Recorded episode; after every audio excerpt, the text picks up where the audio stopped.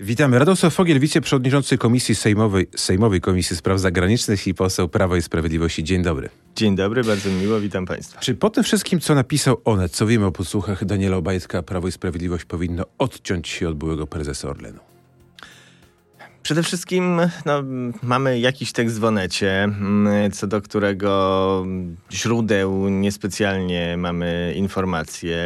Onet pisze, że wszystko jest potwierdzone, sami agenci CBA to potwierdzają.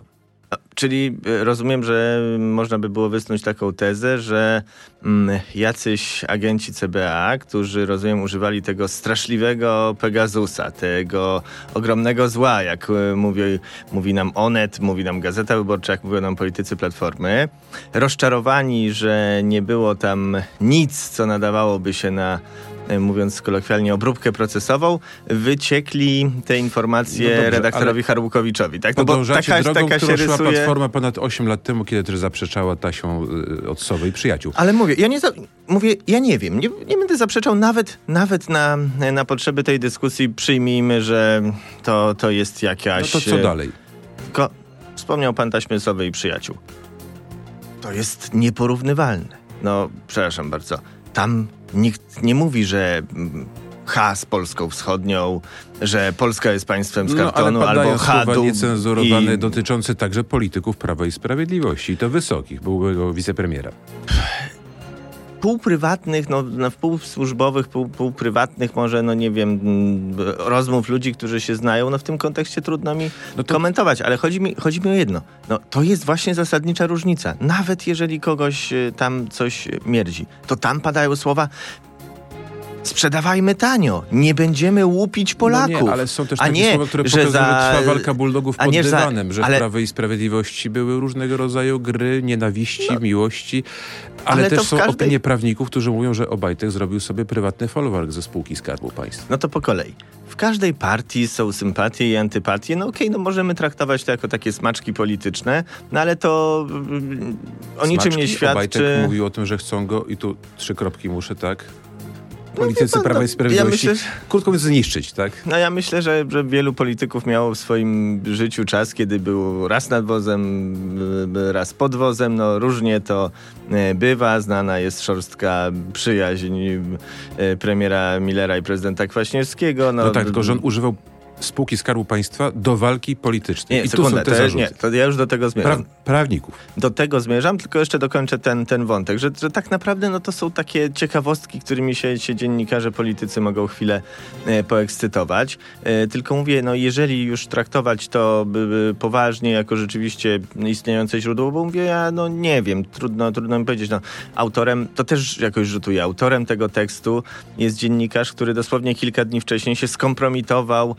pisząc tekst o dwóch grupach przestępczych na Dolnym Śląsku, odpadowych, e, twierdząc, że jedna z nich Może to była ABW. Może tym się zrehabilituje. Może tak? się zrehabilituje. E, no, w, Wrócę więc... do pytania, co dalej z Obajtkiem? Nie, tylko, Jaki jest wasz tak, stosunek teraz jedna, jedna tylko rzecz. Jeżeli mówię, traktować to nawet jako istniejące, no to przecież ta zawartość jest...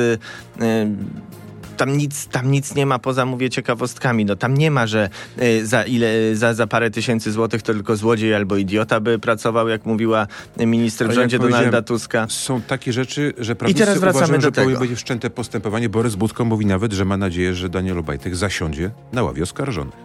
Borys Budka, to ja nie mam najmniejszych wątpliwości, gdyby Daniel Obajtek przeszedł na czerwonym świetle, byłby skłonny wysłać go na szafot. No to, to akurat nie jest dla mnie mnie jakiś, e, jakiś argument.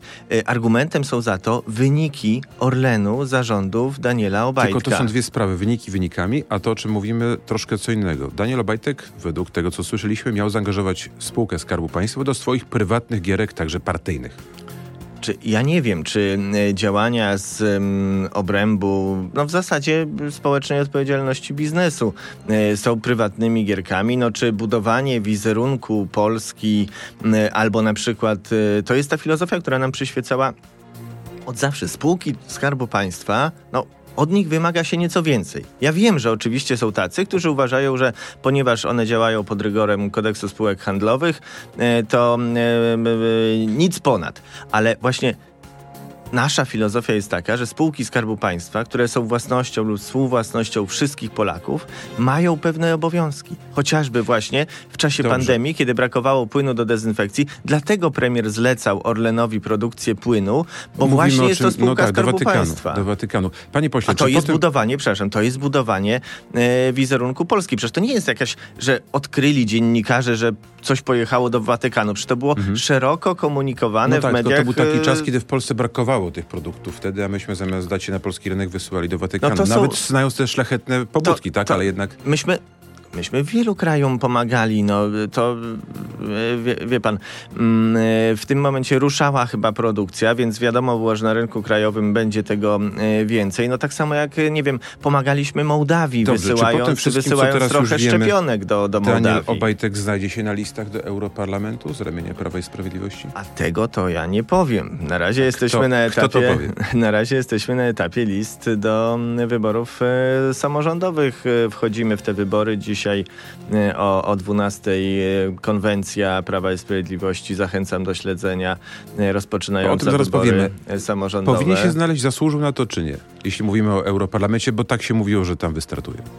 Wie pan, no mówiło się o wielu, wielu osobach. Sam o sobie to słyszałem, chociaż w Dalibóg nigdzie się nie wybieram. Mm, no, decyzję będzie podejmować kierownictwo partii. To w statucie jest jasno opisane. Komitet Polityczny Prawa i Sprawiedliwości zawsze decyduje o e, składzie list do Europarlamentu. Radosław Fogiel jest naszym gościem. Przypomnę, panie pośle, jak sam pan wspomniał, dzisiaj konwencja taka samorządowa w Warszawie duża. Jak też na pięć tygodni przed wyborami są miejsca, gdzie wciąż nie znamy chyba kandydata Prawa i Sprawiedliwości na prezydenta miasta, myślę o Katowicach, a wczoraj, dopiero wczoraj, dosłownie, poznaliśmy kandydatę we Wrocławiu, no, wielkim, ważnym mieście. E, kampania... Są trochę kpiny z wyborców.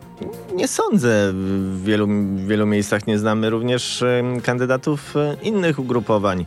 Mm, kampania... To może klasa polityczna ogólnie z nas sobie po prostu Nie, kampania ma swoją dynamikę, to, to rzecz pierwsza. A rzecz e, druga, że mm, faktycznie, formalnie rzecz biorąc, ta kampania już trochę trwa, ale rejestrowanie kandydatów, no czyli ten, ten mm, akt oficjalny, to w zasadzie jest ten tydzień. Tak patrzę na zegarek, bo na przykład dosłownie za 20 minut moi koledzy w, w Radomiu będą rejestrować naszego kandydata na prezydenta Radomia, byłego wojewodę Artura Standowicza.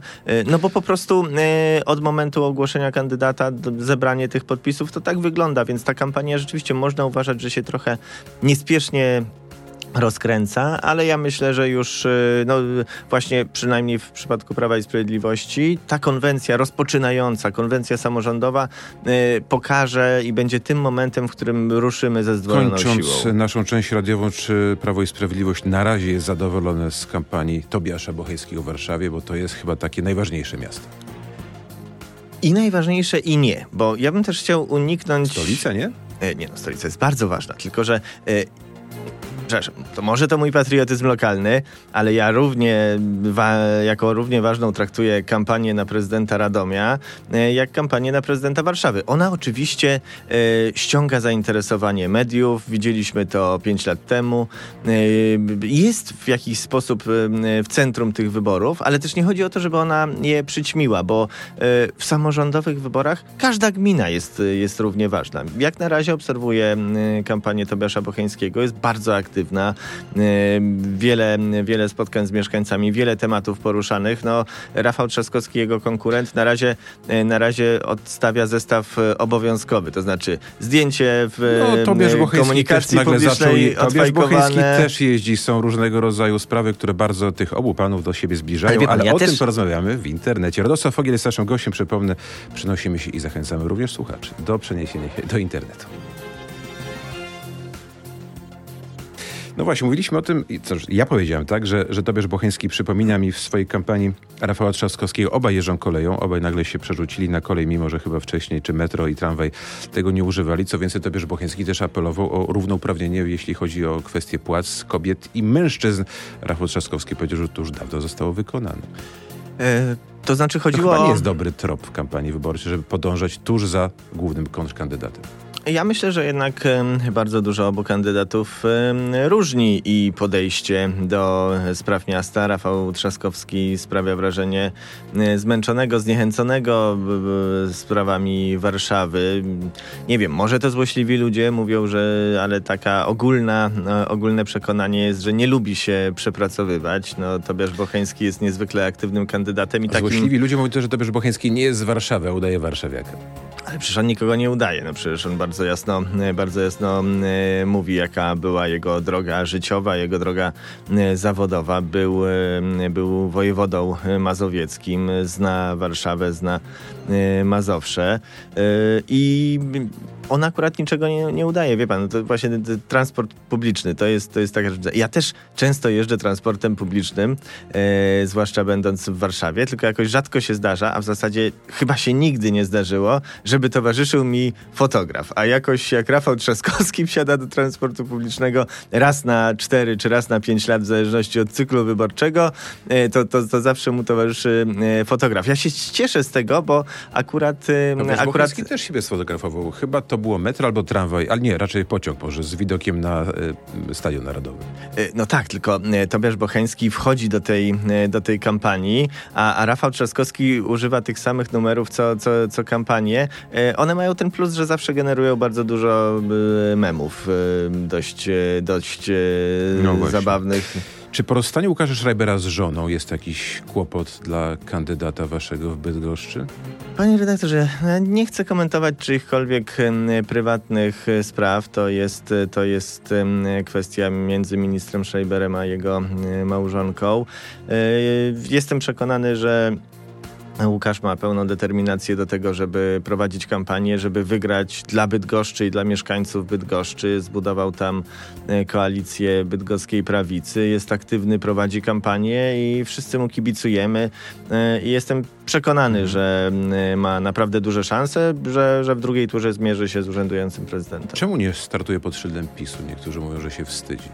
Y, to jest taka próba budowania takiej narracji, widziałem w, w mediach społecznościowych przez takich y, bardzo twardogłowych zwolenników Platformy Obywatelskiej. Ja mógłbym to odbić, czemu y, obecny prezydent Radomia, pan Witkowski, który był posłem Platformy Obywatelskiej, którego widzimy na nagraniach z konwencji Platformy Obywatelskiej, startuje pod hasłem jakiegoś paktu samorządowego. Czy się wstydzi Platformy Obywatelskiej? Albo dlaczego na przykład... No ale mówmy o PiSie. No nie, tylko chodzi mi o to, że, że by, by, można używać takich bałamutnych, bałamutnych argumentów, y, które są łatwo odwracalne. Nie, w Bydgoszczy Łukasz Schreiber zbudował po prostu szerszą koalicję z y, Konfederacją, z y, lokalnymi organizacjami, z Solidarnością i w związku z tym ten nowy byt potrzebował nowej nazwy, no ale przecież sam Łukasz Schreiber się pokazywał dystans do, do tych oskarżeń, kręcąc filmik w, do mediów społecznościowych, gdzie pozuje z logo Prawa i Sprawiedliwości, właśnie pozdrawiając tych wszystkich hejterów, którzy mówią, że się czegokolwiek to wstydzi. Na ile, panie pośle, liczycie w tych wyborach, bo politolog Marcin Paladek, który w internecie zamieszcza bardzo takie ciekawe analizy, on wam daje maksymalnie dwa sejmiki. Paweł Kowal, który to chyba miesiąc temu w tym miejscu, w tym studiu siedział, powiedział, że jeśli się weźmie on sam też mocno do pracy, to nawet Platforma odbije wam Podkarpacie, czyli będziecie z niczym.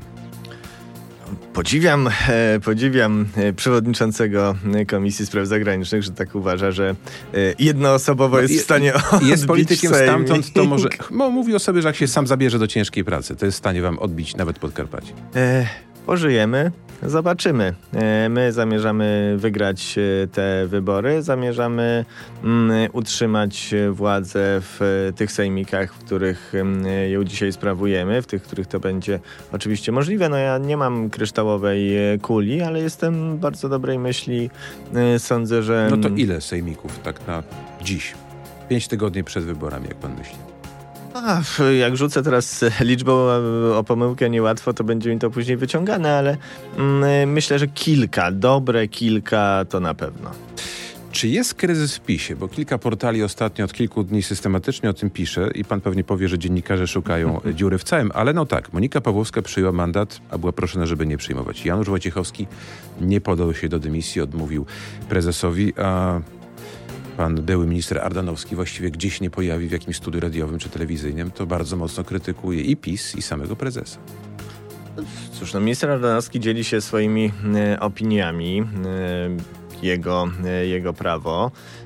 Jeśli chodzi o panią Pawłowską, cóż, no to jej, znowu, jej decyzja, żeby no uznać ja jako fermencie, podżyrować. Także jest coś takiego, po, czego wcześniej nie widzieliśmy. Tylko, no, pani Pawłowska niejako podżyrowała te nielegalne działania marszałka Hołowni. No, on obsadził 461 mandat. W tym momencie Sejm działa w nieprawidłowym składzie. Wie pan, no, polityce zawsze się dużo, e, dużo dzieje, e, no ale w żaden sposób bym nie nazwał tego e, kryzysem. To są jednostkowe, jednostkowe wydarzenia. Oczywiście jesteśmy partią, która po ośmiu latach sprawowania władzy przechodzi do opozycji. No to zawsze wymaga pewnego, pewnej zmiany nastawienia, pewnego dostosowania strategii działania. To się właśnie, to się właśnie dzieje, ale wszelkie opowieści o kryzysach wewnętrznych są mocno przesadzone. Onet pisał wczoraj o takim pomyśle na nowe otwarcie w Prawa i Sprawiedliwości, nawet tak zwanym rebrandingu, czyli nie wiem, zmiany już chyba też i nazwy, tak? Gazeta Wyborcza pisała już o tym kilka miesięcy e, temu, więc e, widzę, że, że ten temat wraca jak bumerang. E, no, jesteśmy Prawem i Sprawiedliwością, jesteśmy Zjednoczoną Prawicą, tak idziemy do wyborów samorządowych, tak pójdziemy do wyborów do Parlamentu Europejskiego. Nikogo nie udajemy, niczego nie ukrywamy. Jak ostatnio mówił premier Morawiecki, jeżeli popełniliśmy gdzieś błędy przez 8 lat, bo trudno nie popełnić, to, to za nie się kajamy, ale równocześnie mamy niezwykle wiele osiągnięć, którymi możemy się chwalić, z których możemy być dumni i równocześnie mamy propozycje na przyszłość. Czy Jarosław Kaczyński jest dziś obciążeniem dla Prawa i Sprawiedliwości, czy atutem? Jarosław Kaczyński jest e, liderem Prawa i Sprawiedliwości, niezmiennie liderem Zjednoczonej Prawicy, który nas sprowadził do wszystkich zwycięstw. E, ostatnie, może gorzkie, bo nie przełożyło się na, na rządzenie Polską. Przecież też było zwycięstwem. No, no, przestańmy, przestańmy się czarować. tak, zwycięstwem, Mówię, które zgoda. nie pozwoliło wam rządzić. Zdarza się. To samo, taki sam rząd w tym momencie jest na przykład w Szwecji też zwycięzca wyborów nie, nie rządzi, bo, bo stworzyła się ko koalicja innych ugrupowań. No to się po prostu zdarza. Ale hmm. obiektywnym... Czyli na razie prezes na emeryturę polityczną się no, nie wybiera? Pan prezes jest zdeterminowany, żeby, żeby walczyć z łamaniem prawa przez, przez nominatów rządu Donalda Tuska. Przecież widzimy, co się dzieje. Zamach na prokuraturę, zamach na media publiczne i tak dalej, i tak dalej. No, rzeczy karygodne media publiczne chociażby. Wczoraj się dowiadujemy, że nowym szefem e, TVP World ma zostać pan Broniatowski, który był, jak piszą wirtualne media, chyba wiceprezesem rosyjskiej agencji informacyjnej Interfax. I ktoś twierdzi, e, jakiś e, prowokator, czy, czy ktoś niespełna rozumu na protestach rolniczych wywiesza, wywiesza karygodny transparent i już słyszymy całą ofensywę ze strony rządowej, że, że, że, że to są ruskie wpływy, a oni chcą zrobić szefem TVP World, anteny, która y, walczyła z rosyjską dezinformacją, faceta, który pracował w rosyjskiej agencji informacyjnej. I to im się. Y, ale przepraszam, dawno temu. A to Rosja była y, kiedy? Jak, jak, jak no, dawno no, temu Rosja była, jak e, dawno temu Rosja była demokratycznym państwem, Panie, gdzie można było powiedzieć, że y, media y, nie mają linków z politykami. Wrócę do prezesa, bo pan mówi, że się na wybiera, nie wybiera na emeryturę, ale wczoraj one też pisał, że ma podobno złagodnić to prawda, że jest to polityką Prawa i Sprawiedliwości, że nie będzie używał ostrego języka? Ale pan prezes jest niezwykle łagodnym e, człowiekiem. No, potrafi czasem powiedzieć coś mocno. E, bo formułuje, e, formułuje e, swój przekaz w sposób jednoznaczny. No, należy nazywać e, łamanie prawa łamaniem prawa. Jeżeli, jeżeli rząd waha się, czy należy budować centralny port komunikacyjny, czego chcą miliony Polaków. No, sondaże pokazują, że, że Polacy tego chcą. Analizy pokazują, że jest to dla Polski korzystne. Mimo kłamstw Donalda no tak, Tuska, w, no to w trzeba powiedzieć... tego tematu nie było, nie chwaliliście się to teraz wyszło już po wyborach. Ależ mówiliśmy w kampanii, nie przepraszam, mówiliśmy wrażenie, w kampanii, mówiliśmy w kampanii, że jeżeli zwy, zwycięży Tusk i jego, i jego przystawki, to wielkie inwestycje będą zagrożone. Wtedy słyszeliśmy od niektórych, że nie no, przesadzacie, straszycie Tuskiem. Ja dzisiaj czytam w mediach społecznościowych wpisy ludzi, którzy głosowali na tamtą stronę sceny politycznej, którzy mówią, no nie no, tego się nie spodziewałem. No nie no, myślałem, że CPK będzie kontynuowane. A ci z lewicy, którzy też są za CPK, są od y, czci i wiary odsądzani. Ale wrócę do prezesa. Złagodnieje od młodzi partii, jak pan na to patrzy? No bo rzeczywiście jest kampania teraz samorządowa, za chwilę do wyborów europejskich, no później wybory prezydenckie, to jest trudny czas. E, no, czas wymagający dla, e, dla każdej partii, oczywiście. Dziś Rafał Chwedoruk, politolog, pisze, że po wyborach samorządowych przyjdzie poważny kryzys i być może rozpad Prawa i Sprawiedliwości. Baju, baju, będziesz w raju, można by było tak e, powiedzieć. Pan, e, pan profesor Chwedoruk chyba e, dość często próbował formułować takie, takie tezy, ja mam wrażenie, że jest dystansowany, że jest myli. takim politologiem, który nie ma chyba sympatii politycznych, przynajmniej oficjalnie, w tych swoich analizach. No, no okej, okay, no ja po prostu y, słyszałem już takie analizy w trakcie mojej aktywności politycznej, która już parę lat trwa wielokrotnie, y, więc nie no, my jesteśmy zdeterminowani y, do tego, żeby żeby walczyć to, w następujących no kampaniach. Odmłodzicie się, to będzie partia ludzi czterdziestokilkuletnich, a nie tak jak dzisiaj 60-70. Zmienicie nazwę, styl, język? Wartością e, w, dla Prawa i Sprawiedliwości jest na pewno ciągłość, e, to, to bez wątpienia. I nie ma takiej jednej, e, jednej recepty, nie ma takiego stryknięcia palcami, że o, to zrobimy z partią, że nagle, nie wiem, odmłodzimy i, i, i jakichś dwudziestolatków weźmiemy z, przez ogłoszenia na, na pracuj.pl. To... Oby nie. Ale ja powiem tak, no przecież Polityka dzisiaj na tym nie już... polega przecież to jest naturalny proces w każdej partii politycznej. No dzisiaj e, bardzo widoczni są posłowie, moi równolatkowie, 40, 40-latkowie, e, czy, czy nawet e, młodsi pokolenie 30-latków. No przecież tu można z 15 osób od, od tak wymienić. No chociażby no tak, patrząc... to, że ich tak, no, czasami się pojawiają na konferencjach, ale chyba wpływu na to, jak partia idzie dzisiaj, nie mają. To nie tylko na konferencjach, no są bardzo aktywni, kontrole w ministerstwach, wystąpienia w Sejmie, aktywność na komisjach, e, no to jest, to jest wielka praca, którą, którą wykonują, która się gdzieś tam kumuluje i przyniesie efekty. No jeśli chodzi o same decyzje dotyczące partii, no to przecież są, są członkami partii, są członkami klubu i, i te dyskusje się toczą. Zakończę naszą rozmowę akcentem zagranicznym, jak przystało na wiceszefa Sejmowej Komisji Spraw Zagranicznych. Czy Prawo i Sprawiedliwość poprze Radosława Sikorskiego na funkcję, jeśli rzeczywiście tak by było, komisarza europejskiego do spraw obronności. Na razie w ogóle nie wiadomo, czy taka funkcja miałaby e, powstać, więc e, za wcześnie, żeby cokolwiek e, mówić. Ja rozumiem, że to jest taka, mm, taki, pojawił się w mediach ten temat po, po wystąpieniu Radosława Sikorskiego w ONZ-cie. No, tam rzeczywiście padły słowa, które powinien usłyszeć ambasador Rosji. Tutaj zgoda. No tylko problem polega na tym, że dzisiaj takie słowa padają, a jeżeli zostanie podjęta decyzja polityczna i to obawiam się nie w Warszawie, a w Berlinie o nowym resecie, to bez mrugnięcia okiem Radosław Sikorski byłby skłonny wrócić do tego, Tylko, że co mówił nie będziemy w 2014 wiedzieli, taka decyzja roku. zapadnie, bo ona zapadnie w ciszy gabinetu. Wrócę do pytania, czy poprzecie, czy nie poprzecie, jeśli taka byłaby dzisiaj szansa? Jeżeli będzie o czym mówić, to my będziemy e, się nad tym e, zastanawiać. No na pewno nie będziemy e, grać w taką grę, jaka była prowadzona w latach 2007-15, czyli cała działalność, cała aktywność działalność zagraniczna rządu Tuska była wówczas nastawiona na to, żeby załatwić mu dobrze płatną fuchę e, w Brukseli. No my nie, na pewno nie będziemy zajmować się tym, e, żeby e, politycy Platformy Obywatelskiej po prostu zajmowali jakieś stanowiska dla, dla stanowisk, bo my też nie dajemy sobie mydlić oczu.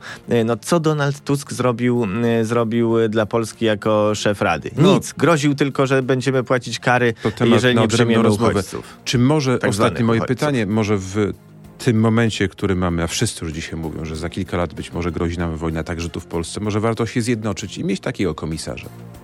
E, myślę, że e, bardzo ważną sprawą z punktu widzenia naszego regionu jest e, walka o szefa Sojuszu Północnoatlantyckiego. Zdecydowanie rzecz ważniejsza. No, chyba walka... I tutaj nie, ta nie. decyzja zapada, ta decyzja ma zapadać w drodze konsensusu. I tu jest, to będzie właśnie sprawdzian dla polskiego rządu, czy y, przyjmie y, na przykład propozycję, żeby to był Mark Rutte, którą forsuje je część tych krajów Europy Zachodniej, która nie czuje takiego zagrożenia ze strony Rosji, ale która też myliła się. Kogo by powiedział się... z Polski na, na takim fotelu? Y, nie, właśnie, właśnie chcę uniknąć wymieniania nazwisk z Polski, żeby nie wchodzić w tą naszą wojnę polityczną. Są propozycje z naszego regionu, chociażby premier Estonii. Można znaleźć pewnie wielu, wielu innych, no ale tutaj chodzi o to, żeby polski rząd wykorzystał te możliwości, które daje traktat północnoatlantycki do tego, żeby wpływać na sojuszników. Zobaczymy, jaka będzie,